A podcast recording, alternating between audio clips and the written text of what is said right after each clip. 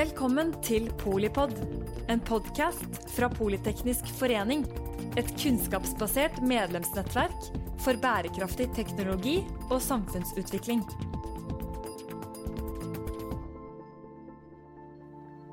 Velkommen til eh, Polipod eh, direkte inne fra Arendalsuka. Vi skal snakke om um, utdanning. Vi skal snakke om hvor gøy det er med realfag. Vi skal snakke om hva det betyr å jobbe tverrfaglig, utdanne seg uh, tverrfaglig. Da har vi med oss Morten Dæhlen, som er professor i informatikk, leder for Designs-senteret på Universitetet i Oslo. Og vi har med Anders Malte Sørensen, som er professor i fysikk og leder for Universitetet i Oslos senter for fremragende utdanning. Det høres jo akkurat ut som noe i politeknisk ånd. Men aller først, Anders, hva burde vi snakke om når vi snakker om politikk? Når vi snakker om politikk, ja, da burde vi nok snakke om behovet for en utdanning som er fremtidssikker på et vis, altså som forbereder studentene på den fremtiden de skal inn i. For det er noe vi snakker for lite om. Vi snakker mye om hvordan utdanningen passer til den samfunnet som er i dag. Men vi trenger å utdanne studenter som er våre fremtidsvitenskapsmenn, innovatører, gründere. Hvilke ferdigheter trenger de å ha med seg? Hvordan har de øvd på de ferdighetene? Og hvilke, hvilket utsyn får de med seg? Ja, altså Vår rolle som universitet er jo å se fem til ti år fram i tid når det gjelder utdanning. Derfor er det også viktig at den utdanningen vi gir, er koblet til den forskningen vi gjør. Så Det er også et tilleggsdimensjon i tillegg til det Anders nå er inne på. Ellers så, jo, ellers så har vi jo et behov for å se sant, hva, hva, slags type utdanninger trenger vi i et veldig veldig langsiktig perspektiv. Vi vet jo at Statistisk sentralbyrå har jo sett på befolkningsutviklingen i Norge, og det er jo litt småskummelt å se at det blir veldig veldig mange pensjonister og en relativt liten andel yrkesaktive. Dette er jo også noe vi må tenke på som utdanningsinstitusjon. Og så skal vi jo løse noen store oppgaver, da. Så hva gjør dere? Hvordan jobber dere konkret med det? Ja, eh, den aller, aller største oppgaven som hele verden står overfor, er jo grønn omstilling. Og det er en svær og kompleks affære som vi ikke kjenner alle dimensjonene i. Men vi må etter beste evne finne utdanninger, eller vi må inkludere, da kall det gjerne grønn kompetanse i utdanninger. Og da kan vi jo hente en del erfaringer fra det digitale området. Vi har jo arbeidet mye med å introdusere digital kompetanse i ikke-digitale utdanninger. Og det er jo noe Anders har jobba mye med, som han kan si litt om, tenker jeg. Ja, så vi driver et senter for fremragende utdanning. det Ordet er jo interessant også. Vi er ikke et senter Altså, vi er et senter som skal strebe mot å bli eh, fremragende. Vi er ikke nødvendigvis fremragende når vi starter. Og det vi jobber med, er egentlig å forbedre utdanningene. Gjøre åpne for nye innovasjoner, nærmere dialog med studentene. Og, å, og det vi ønsker å gjøre i, i, dette senteret, er å øke studentenes digitale kompetanse. Men da mener vi dyp digital kompetanse. Ikke bare å kunne bruke Word, men, men hvordan de kan bruke det digitale, bruke informatikk til å, til å, utøve sitt fag. Så Det går nesten på hvordan du tenker. Man kan tenke seg at språk er viktig for å kunne tenke, men du trenger også andre måter å, å tenke på. Vi bruker matematikk for å kunne tenke på si, matematiske tanker. Så kan vi tenke oss at vi bruker datamaskinen eller programmering eller denne måten å, å, å utvikle ting på en datamaskin, bruke datamaskinen til å tenke og til å være en del av vårt kreative språk. Så vi prøver å trekke inn det vi kaller Vi har ikke funnet et godt norsk ord for det, så nå skal jeg bruke et engelsk ord. Da. Vi kaller det computational literacy. Um, og literacy har vi ikke noe veldig godt norsk ord for, men det går altså på denne språkferdigheten som man har i språket. At man kan bruke det til å utøve sitt språk. Altså at en, altså at en lege f.eks. trenger å ha en, en, ny kunnskap nå, en kunnskap om hvordan det digitale virker. Fordi at digitale verktøy blir en så viktig del av hverdagen til en lege. Men det gjelder også for mange realistene. Hvis du er biolog som utdanner deg i dag, så henter du data fra gener, du henter data fra sensorer, og du modellerer ting. Du skal bygge modeller. Det betyr at en moderne realfagsutdanning krever en litt annen kompetanse pga. Si, eksistensen av datamaskinen enn det vi hadde behov for, eller enn det vi så for oss egentlig for 10-20 år siden. Så det vi jobber med, er å, å lage denne moderne realfagsutdannelsen hvor digitale ferdigheter er integrert i den faglige utviklingen. Og det, det, er vanskelig å se inn i fremtida. Du sa fem-ti år, eh, men ser dere ikke enda litt lenger? Eller hvordan jobber dere? Ja, vi... Nysgjerrig på hvordan eh, skal vi skape eh, på en måte den utdanningen som vi trenger, som vi har lyst på, og som, og som har horisont nok til at, at vi får det til, da? Ja, vi er jo ikke futurister, og vi kan ikke spå om framtida. Eh, men så, så, en viktig element i dette er også å skape lærende individer. Altså individer som kan lære. Altså en viktig ferdighet er å bli lærende. Eh, og utdanninger må preges av det, samtidig som skal lære noe konkret og faglig. Så det er liksom en viktig del av, eh, av dette.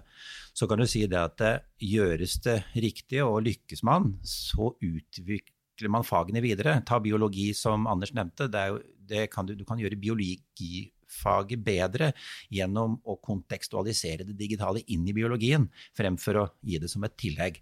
Og det har vært eh, noe av det, det, det, jeg har vært veldig imponert over i det Anders og co. har gjort. Har klart å få til den kontekstualiseringen i fysikk, også i biologi. Det jobbes nå i geofag og på andre områder med akkurat det. Kan man lære det samme andre veien? Eller la oss si, hvordan skal vi kontekstualisere grønn kompetanse inn i IT-utdanning? Det har vi ikke begynt med, men vi tenker litt på hvordan det kan gjøres, på basis av det vi har lært ved å kontekstualisere det digitale inn i ikke-digitale utdanninger. Og da kan man jo spørre seg hva skal en informatiker kunne? Eh, kan vi nok om datadeling? Kan vi nok, eh, er vi flinke nok til å fjerne, kaste ubrukelige data osv.? Eh, hvor mye koster det av energi å sende data over nettet osv.? Dette er ting vi må gå ganske djupt inn i for at dette skal sitte godt i en informatikkutdanning. Det er ikke sånn at ja, vi kan godt si det, men det skal kontekstualiseres inn i det å forstå på en måte grunn utdanningen i informatikk, som handler om å lære å programmere, det handler om å forstå IT-arkitektur, det handler om denne type eh, basiskompetanse. Det må vi fortsatt ha, men samtidig skal vi da tenke at det, kan vi komme inn med grønne kompetansekomponenter eh, som gjør at de, når de kommer ut i arbeidslivet, sørger for at framtidens IT-systemer blir grønnere.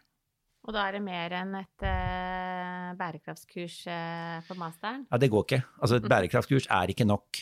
Det må også, jeg er overbevist om at vi må gjøre det samme på det grønne, som vi for så vidt også nå har gjort og gjør med det digitale området, når det gjelder å gi leger, sykepleiere, biologer, geologer digital kompetanse. Mm. Men la oss plukke opp det med bærekraft om litt. Jeg, vi startet med dette med hvordan vet vi hva studentene trenger i fremtiden. Og det Vi egentlig har sett er at vi ser ofte ting først komme i forskningen. Så vi ser fra forskningen vår hva, hvilken vei er det forskningen beveger seg. Og I veldig mange av realfagene så, så, ser vi at forskningen har endret art, i den forstand at det har blitt mer bruk av si, beregningstype metoder. Altså Du bruker datamaskinen til å løse problemer, til å analysere data. Så Det har vi sett de siste 10-20 årene. Og så har jeg vært bekymret, fordi vi ser at utdanningene våre endres ikke, endres ikke like fort som, uh, som, forskningen. Så det vi har vært opptatt av, er jo egentlig bare å modernisere utdanningen og gjøre, dem, gjøre studentene klare for den fremtiden. Så ser vi en artig bieffekt av det. Når, når f.eks. fysikkstudenter lærer seg å programmere, når de løser fysikkproblemer, så åpner vi opp for egentlig større grad av kreativitet. For de er ikke så fanget av den matematiske verktøykassen som de noen ganger har når de skal løse fysikkproblemer. Vi åpner opp den verktøykassen. Det betyr at de kan jobbe med mer anvendte problemer, mer realistiske problemer. Så åpner det for mye mer utforskning. Så fysikkstudenter kan mye tidligere i studiet jobbe med langt mer realistiske problemstillinger. Og det vi ofte ser er at Da får studentene også lyst til å prøve dem ut. Det er jo kjempemotiverende, da. Ja, så Jeg har en sånn klassisk eksempel hvor vi i gamle dager så, så vi ofte bare på skrått kast, altså hvordan du skyter en kanonkule. Mens vi nå moderniserer det, så kan vi se f.eks. hvordan skal du måle hastighetsfelt i en tornado. Mm. Jo, det kan du gjøre ved å finne ut hvordan du skal plassere ut en probe i den tornadoen. Litt sånn som Helen Hunt gjorde i, i filmen 'Twister', da hun var tornadojeger. Da skulle hun kjøre en bil inn i tornadoen, og så skulle hun prøve å få disse probene til å bevege seg gjennom tornadoen. Men da er det to ting. Da må du vite hvordan du skal kunne modellere den proben. Og det, det lærer vi i fysikk. Og så kan du finne ut bevegelsen til proben gjennom en gjennom å gjøre, løse det på en datamaskin. Og så kan du i tillegg koble det til tilleggsspørsmål. Du kan si ja, men hva hvis den proben ikke er en probe? Hva hvis det er en fjær isteden? Kanskje du har sett filmen Forest Gump, så i begynnelsen av Forest Gump. Jeg vet ikke om du husker en sånn kul film, film, jo, jo. filmscene hvor det er en fjær som starter oppe i luften, Mhm. og så vandrer den ned, og så lander den til slutt foran beina til Mm. Eller kanskje den lander på låret, jeg husker ikke helt. Den lander rett ved Forest Gump i hvert fall. Og veldig mange studenter, når de først har studert denne proben, så får de lyst til å også prøve Kan jeg gjøre det samme? Kan jeg også Mm. studere hva som skjer med en fjær? Eller kan jeg få en ku til å fly, som du også ser i Twister? da. Så du kan på et vis åpne for helt andre kreative spørsmål. Nå var dette et litt sånn sært område. Men skal alle fysikkstudentene ende opp på filmskolen, eller? eh, Anders? Men fysikkstudenter gjør mye mer enn det vi i ut- i utgangspunktet tror. Så jeg Mm. tror at, at det vi kommer til å åpne for, er et mye bredere arbeidsmarked. Og et arbeidsmarked hvor realfagskompetanse går inn mange steder, og her kommer til å bli veldig viktig mange steder. Vi skal løse store problemstillinger, som Morten nevnte, eller grand challenges sant? som kan være knyttet til bærekraft eller energi eller klima eller helse. Og hvis vi skal angripe den typen problemstillinger, så trenger vi realfaget, eller realistens innsikt. Mm. Vi trenger dyp realistinnsikt. Men vi trenger noe mer også. Vi trenger at de realistene er trent til å kunne snakke med andre, si, med personer med annen fagbakgrunn. Og det er også en svakhet som jeg tror vi har en del av utdanningene våre nå. At vi øver for lite på det, og vi bygger for lite ferdigheter i den, det ferdighetsområdet som jeg kaller tverrfaglig kompetanse. Mm. Når du nevner da det, proben til Helen Hunt, så kom jeg på et prosjekt som vi nylig satte i gang, som eh, går på eh, noe som ligner. Eh, det er et tverrfaglig prosjekt. Det er informatikere, matematikere og geofysikere med. Og eh, vi vet at vi får mer tungt regnvær og flom. Og prosjektet der handler om å se på og studere strøm i Oslofjorden ved hjelp av prober. Du kaster, når det er flom, eller når det er tungt regnvær, så sender du mange sensorer ut i Glomma f.eks., og så følger du de, og de vil da bevege seg, og så måler du det, og så kalibrerer du da opp eh, strømningsmodellen for Oslofjorden. For det vi vet, er at eh, da eh, ekstremvær, det endrer strøm. Og det er for å forstå disse endringene ved ekstremvær. Og det handler om det er det ene. Og det andre er at eh, når det er ekstremvær, så får du mye eh, avrenning fra land og ut, og du får eh, brunere vann. Så det er to liksom, temaer som er veldig tverrfaglige, som også har med, har med klimaendringer å gjøre. Mm. Som et eksempel på noe som ligner på det som, som Anders snakka om. Som er et, reelt sett et eksempel hvor vi skal bygge disse, disse, disse sensorene. kaster ut i Glomma, det skal vi ha med skoleklasser på da, for å gjøre litt ekstra ut av det. Og så skal vi følge de på, på, på GPS. Og da måler vi hvor de går, og så får man da en forståelse av, av hva slags type bevegelser er det da som oppstår fra elva og ut i havet. For bedre å kunne forstå hvordan disse, dette været påvirker eh, strøm i Oslofjorden. Ja, da forstår du jo, høres ut som problemet bedre, og Ja. kanskje ikke minst eh, eh, muligheten for at du kan være med å løse problemet, da. For eksempel. Men hvis du, skal, hvis du skal få til dette, så betyr det jo at studentene må ha en Det ene er at du, at du må kanskje sette sammen team med forskjellige studenter som har forskjellig bakgrunn. Ja. Fordi mange av disse problemene krever forskjellige typer innsikt. Noen må ha innsikt i været, noen må vite hvordan man skal modellere det, noen må kanskje kjenne til det biologiske systemet i elven. Ja. Det er mange forskjellige typer problemstillinger som er koblet sammen. Men du trenger denne digitale kompetansen, eller du trenger en kompetanse som gjør at du også kan sette det ut i livet. Ja. Og vi ser at veldig mange av de, disse store problemstillingene de krever, krever denne formen for ja, tverrfaglig samarbeid, som vi nok kanskje øver for lite på i dagens studier. Så jeg ser for meg at fremtidens realist må være trent i å kunne jobbe med ikke-realister. Og motsatt må man vel eh, Ja, og motsatt, kunne ikke håpe minst. på. Ja, så nå, snakker, nå, jeg, nå tar jeg ofte utgangspunkt i realisten, for det er, der, det er den Mm. som er nærmest mitt hjerte på et vis. Men ikke minst motsatt, ja. Mm. Vi, vi lagde nettopp et, et nytt emne som het algoritmisk tenkning for humanister. Eh, som egentlig er bare en, en annen måte å formulere pro- Python-programmering Mm. eh, Mm. på. Men, men det er også for å illustrere at, at programmering er noe mer enn bare programmering. Det er faktisk en måte å tenke på. Så når vi skal kommunisere med filosofer, f.eks., så er det nyttig å, å illustrere at dette, dette handler ikke om et bestemt språk eller en bestemt implementasjon eller noe. Det er ikke noe veldig spesifikt, det handler om noe helt generelt. Hvordan skal vi tenke på problemer, men på et annet vis? Vi, formulerer løsninger ved hjelp av en algoritme, altså en slags oppskrift på hvordan den skal løses, uten at vi nødvendigvis vet hva resultatet av algoritmen er. Og at det også kan være en fullverdig måte å angripe og løse problemer på. Og det appellerte til, eh, Mm. til humaniststudentene også, slik at de også bygger opp disse ferdighetene. Og da får vi, en, får vi noe felles språk. Mm. Så, vi kan, så, så det er en måte å bygge opp dette felles språket på. Mm. Og, og eh, siden vi da er en forskningsinstitusjon, og som stadig får flere tverrfaglige prosjekter, ikke bare innenfor realfagene, men også over mot humaniora og samfunnsfag, så er det viktig at vi da eksponerer disse eh, forskningsprosjektene, ikke bare for den ene doktorgradsstudenten, men for masterstudenter og, og, og studenter eh, generelt, og helt ned på bachelornivå. Mm. Og Det er en oppgave som eh, vi har i fellesskap, og som bl.a. jeg jobber en del med nå i de nye prosjektene vi nå genererer i det senteret jeg har gleden av å lede. Det er å finne mekanismer slik at disse prosjektene blir eksponert for studentmassen på riktig nivå. da. Ja, og så er det vel sånn at uh, designsenteret, og sikkert uh, for deg også, Anders, er Altså, det er et internasjonalt samarbeid Det er det også. også. Ja, og hvordan uh, funker det?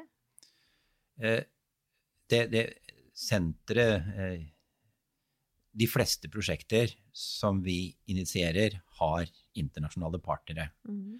Eh, F.eks. er vi nå med i eh, sluttfinalen på såkalte Senteret for fremragende forskning, som er en utdeling av midler som Forskningsrådet gjør hvert femte år. I alle de fire prosjektene som senteret er involvert i, er det partnere i, fra hele verden. eh, Som Oxford og Cambridge og, og andre. Eh, Og når disse prosjektene kommer i gang, så er det jo Det deles jo gjerne opp i arbeidspakker, og der er det jo involvert forskere fra, fra store deler av verden. Veldig mye Europa, selvfølgelig, mm. og en god del USA, men også andre deler av verden er involvert i disse prosjektene. Så når, eh, og det gjelder for så vidt alle forskningsprosjekter. Det er klart, det er jo, det kan, alle forskningsprosjekter har en internasjonal dimensjon, og noen har stor internasjonal deltakelse. Eh, og så er det jo virkemidler på europeisk nivå som, som er internasjonale i sitt, i, i sitt utgangspunkt, hvor, eh, hvor eh, forskningsgrupper på tvers av Europa går sammen om å, om å forske på gitte temaer. Er det store forskjeller? Jeg blir nysgjerrig. Altså, en liten reise utenlands, så, så ser man jo eh, Norge og hjemstedet sitt med nye øyne. Ja, eh, det er klart når det gjelder, for, altså, eh, når det gjelder forskningspolitikk, så har jeg nok, etter å ha vært i Brussel et halvt år, blitt ganske imponert over, over planmessigheten i EU. Eh, det er mye man kan si om EU, men planmessigheten og iverksettingen er, er veldig profesjonell. Eh, vi er ganske langt unna det nivået i Norge, eh, uten at jeg skal gå liksom for mye i detalj. Hvordan vi tenker langsiktig på hva vi skal bruke ressursene våre til, f.eks. Og så kan det være sånn at man kan være enig eller uenig med EU. Eh, Det er ikke alt EU prioriterer som jeg er like enig i, men det er en planmessighet som, eh, som eh, imponerer meg. F.eks. relativt til hvordan vi har, gjør dette i Norge. Ja, så tenker jeg vi skal jo hente hjem kunnskap om det som vi vet virker andre steder. Vi eh, har den fordelen at i Norge og ikke minst hos oss har vi kommet veldig langt når det gjelder integrering av programmering og beregninger inn i realfagene. Så der er rollen vår i hovedsak at vi, vi er en partner for utenlandske institusjoner som ønsker å forbedre sin egen utdanning. Men også de siste årene så har jeg jobbet med å utvikle et tverrfaglig program på Universitetet i Oslo som heter Honors-programmet. Som nå fire år på rad har vært det programmet det er vanskeligst å komme inn på. Mhm. Så det betyr at det treffer nok en nerve også hos Mm. studentene. Men det har i stor grad vært inspirert av tilsvarende programmer i Nederland. Nederland ligner på, ganske, på mange måter på oss, både en viss grad Kan du fortelle litt hva det honors-programmet Ja, så- betyr? Så Honors-programmet er et tverrfaglig program hvor studentene i tillegg til å ta en vanlig bachelor, så får de et tverrfaglig tillegg som er på ti studiepoeng per år. Og det tverrfaglige tillegget det har fokus på, denne, på å bygge denne tverrfaglige kompetansen. Hvor altså studenter som har bakgrunn innenfor realfag, humaniora og samfunnsvitenskap, jobber sammen på både prosjekter og på enkeltfag, og på å si, hjelpe hverandre til å ja, eh, diskutere fag, og til å møte faglige utfordringer. Mm. Så da har vi funnet en arena hvor studentene kan møte hverandre. Og det ser, ja, vi- vi ser at dette er, er populært. Og jeg tror det er bare begynnelsen, vi ser bare begynnelsen på denne typen prosjekter eller programmer i Norge. Vi jobber sammen med en nederlandsk institusjon som heter Hans-universitetet. De har 25 forskjellige sånne honors-program som har litt forskjellig vinkling, slik at studentene kan velge hva det er de ønsker, hva slags type tverrfaglighet ønsker de, hva slags type ekstrakompetanse Mm. ønsker de i tillegg til sin vanlige utdanning. Hvordan er eh, næringslivet involvert her? De er involvert på flere vis. Det ene er at det er stor interesse for disse studentene i næringslivet. Eh, Vi har næringslivsaktører inne det første året, for der har vi en foredragsserie hvor studentene skal eksponeres for forskjellige måter å se en problemstilling på. Mm. Så I de første årene har vi plukket opp kunstig intelligens, som er en, en type problemstilling som fint spenner over alle de forskjellige disiplinene. Og Der har vi inn både fagpersoner, forskere, men også noen som kommer fra næringslivet med næringslivets perspektiver, da, næringslivets måte å tenke på.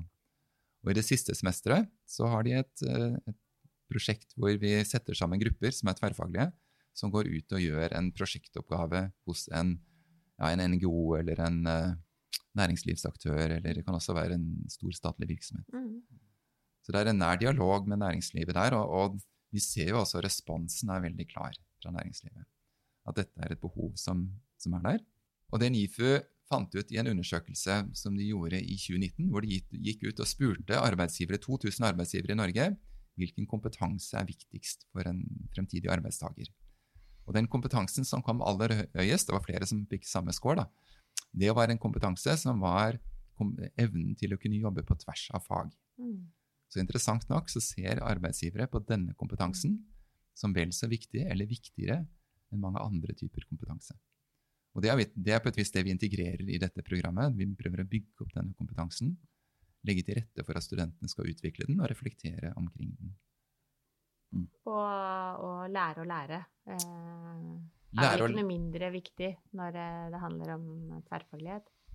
Nei, å lære å lære eh, er eh, også å ha en form for metaperspektiv på din egen læring.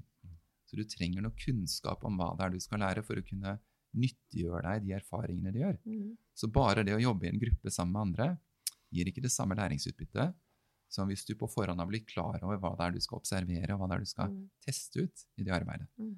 Så Derfor så legger vi vekt på å gi dem et rammeverk som de kan tenke innenfor.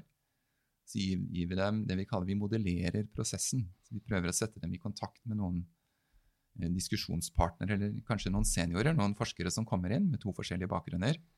Og så diskuterer de sammen for å modellere hvordan foregår denne tverrfaglige vekselvirkningen. Og så må de ha praksis, så de må gjøre det. Og så må de reflektere over det etterpå. Mm. Prøve å putte det inn i systemet. Så med de fire komponentene så ser vi at det er noe som gir godt grunnlag for tverrfaglig, for å lære denne tverrfaglige kompetansen. Du, eh, du var inne på dette med internasjonalisering. Ja. Og, og det er klart at eh, som institusjon så er vi jo skrudd sammen for å være en del av den globale kunnskapsallmenningen. Så vi er jo en, en tillegg til at vi forsker og utvikler ting selv, så er vi jo en enorm kunnskapsimportør. Enten det er i forskningsarbeidet vårt, eller det er i utdanningen. Og Anders nevnte jo at vi har eh, lært mye av Nederland når det gjelder Anders-programmet. Og så er det tilpassa norske forhold. Og de fleste prosjekter vi har, enten det er eh, prosjekter med andre eh, forskere eller næringslivet er involvert, har en klar kobling til denne internasjonale, globale forskningsallmenningen. Eh, som vi er en del av, og som vi må være en del av som et universitet. En annen, en annen viktig arena som vi ikke har snakket så mye om, det er altså hvordan vi vekselvirker med studentene. Ja. Så eksempel dette med å integrere programmering eller ja, beregninger i, i undervisningen. Interessant nok så var det noe studentene veldig tidlig fattet interesse for. Mm.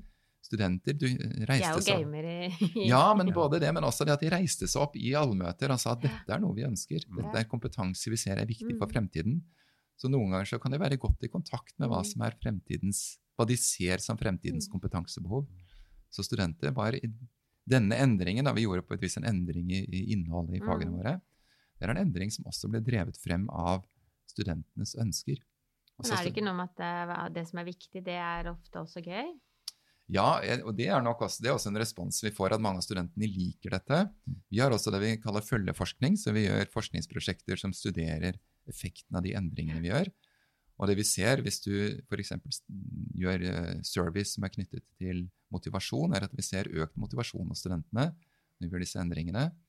Og interessant nok så rapporterer også når du intervjuer enkeltstudenter og prøver å sette dette i sammenheng, så rapporterer de også en form for økt tilfredsstillelse eller økt eh, At de får en annen liksom, dybde i forståelsen Mm. sin noen ganger. Vi hadde en, en interessant tilfelle hvor vi intervjuet en student som sa veldig klart at Så han, han fikk muligheten til å selv være med å formulere oppgaven han skulle gjøre. Det var ikke slik at han fikk en gitt oppgave. Han skulle selv velge problemet. Noe vi vet er veldig viktig i forskning, er nettopp å kunne klare å stille de gode spørsmålene. Så Vi har flere prosjekter nå hvor vi åpner for at studentene selv skal kunne velge et problem, og så skal de kunne studere det problemet. Og det sa studenten, det var så fremmed, det var så fremmed for den. Fordi at dette har, de, dette har de ikke vært ute for før. Men det de også observerte, det var at det var veldig interessant. For hvis jeg møter på en vanskelighet, så må jeg ikke nødvendigvis løse det problemet. Jeg kan faktisk bare flytte litt på problemet mitt og løse noe litt annet mm. isteden. Som er akkurat like interessant. Så jeg blir ikke låst av det jeg blir bedt om å gjøre. Jeg kan være med selv og forme hva oppgaven skal være, og hvordan jeg skal komme meg til løsningen av oppgaven. Og det tror jeg de opplevde som veldig Det var liksom en ny innsikt for dem. Som, og det var en slags, nesten som en åpenbaring. At, at de måtte ikke bare sitte og løse et problem som noen hadde laget. De kunne selv være med å formulere problemstillingen. Og det er jo på mange måter uh, i stor skala innovasjon og nyskaping, da, i, i, I utdanningen? Som vi, som vi, ja, i utdanningen som vi jo som vil slå igjennom i resten av samfunnet. Det Anders snakker om nå, er jo I de endringer vi har gjort, så er jo fremveksten av disse studentaktive læringsformene blitt veldig, veldig tydelig. Mm. Og det vi observerer, er jo at studentene lærer mer. Eh, de blir mer engasjert og mer motivert. Ja. Og da har, vi, da, da har, man oppnådd det man skal. Eh, det, det, er sånn, det, er ikke like mye sånn som før, at man hører på læreren, og så går man hjem mm. og, og tar en eksamen. Nå er man mer aktiv både på egen hånd og sammen med medstudenter. Altså den problemløsingskapasiteten, problemløsningskapasiteten, da sier vi jo ofte er liksom norsk industris og norsk næringslivs eh, forse også, ikke mm. sant? Fordi vi evner å, å gå og finne problemet og Eller finne mange problemer og, og, løse og også prøve å feile, som også trengs i mm. det. Ikke på en måte bare vente på de to strekene under svaret. Nei, det, eh, nei da, og det skal man ikke gjøre. Men samtidig så må de jo få en, en god faglighet det inn i dette her. Eh, de, skal lære sin fysikk, de skal lære mm. sin matematikk, eh, de skal lære sin biologi. Mm. Og det er jo en del av utfordringen vi har i til enhver tid, å, å gi dem den basiskunnskapen man trenger for å, når man skal ut i arbeidslivet. Ja, jeg tror Det er viktig og at det poenget til Morten der er veldig viktig. Nemlig at vi argumenterer ikke for at man ikke skal lære noe i dybden. Mm. Isteden så argumenterer vi for at vi skal lære noe i dybden, men vi skal lære noe i tillegg. Vi skal ha en kompetanse i tillegg. Du må ha med deg noe inn i et tverrfaglig samarbeid for at du skal være nyttig i det samarbeidet.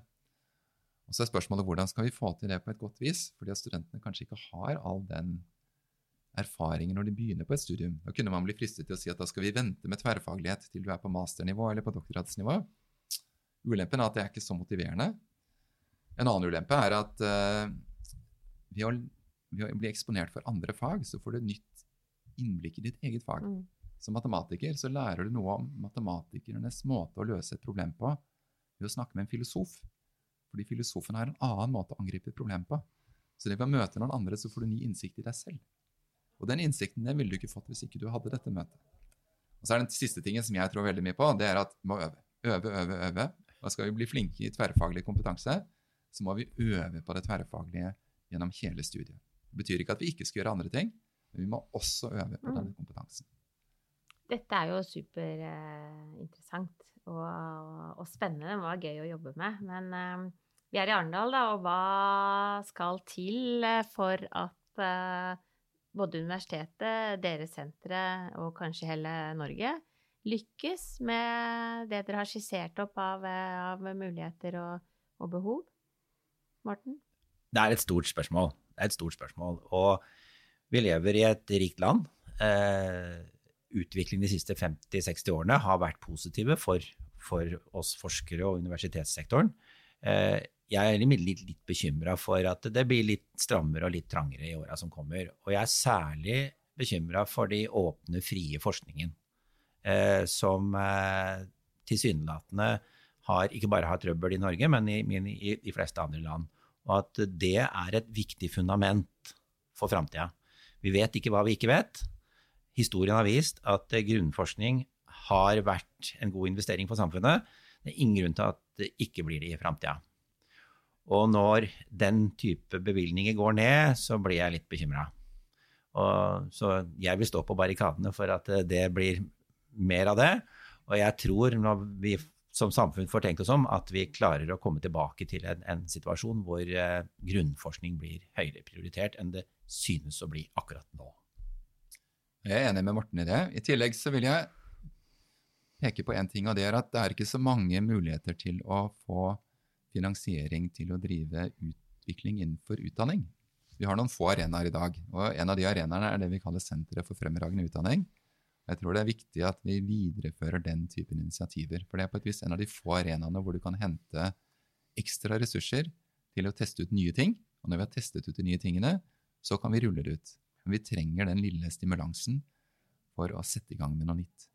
Så det å videreføre den typen ordninger det tror jeg er viktig for at vi skal kunne fortsette å lage innovative og spennende realfagsutdanninger. Og jeg, jeg, er helt enig med, med, Anders i det. Det er godt komplementært med det jeg sa. Mm. Altså, skal vi på den ene sida ha disse åpne arenaene, så må vi også kunne utnytte dem i den retning som Anders eh, snakker om. Tusen takk, eh, Morten Dæhlen, professor i informatikk, leder for Designsenteret Design-senteret for data- og beregningsvitenskap. Tusen takk, altså ved Universitetet i Oslo. Ja. Også fra Universitetet i Oslo, eh, professor Anders Malte Sørensen, eh, professor i fysikk, leder for eh, Senter for fremragende utdanning. En fornøyelse å snakke med dere. Takk, takk. Takk skal du ha. Og takk til deg som hører på Polipodden når og hvor det passer deg. Enten du jobber veldig dypt eller, eller tverrfaglig, så, så er du sikkert litt inspirert nå til å ta det videre. Jeg er eh, Mette Vågnes Eriksen. Jeg er generalsekretær her i Politeknisk forening. På gjenhør. Takk for at du lyttet til Polipod fra Politeknisk forening. Få med deg flere episoder, eller bli med på nettverksmøtene som du finner på at polyteknisk.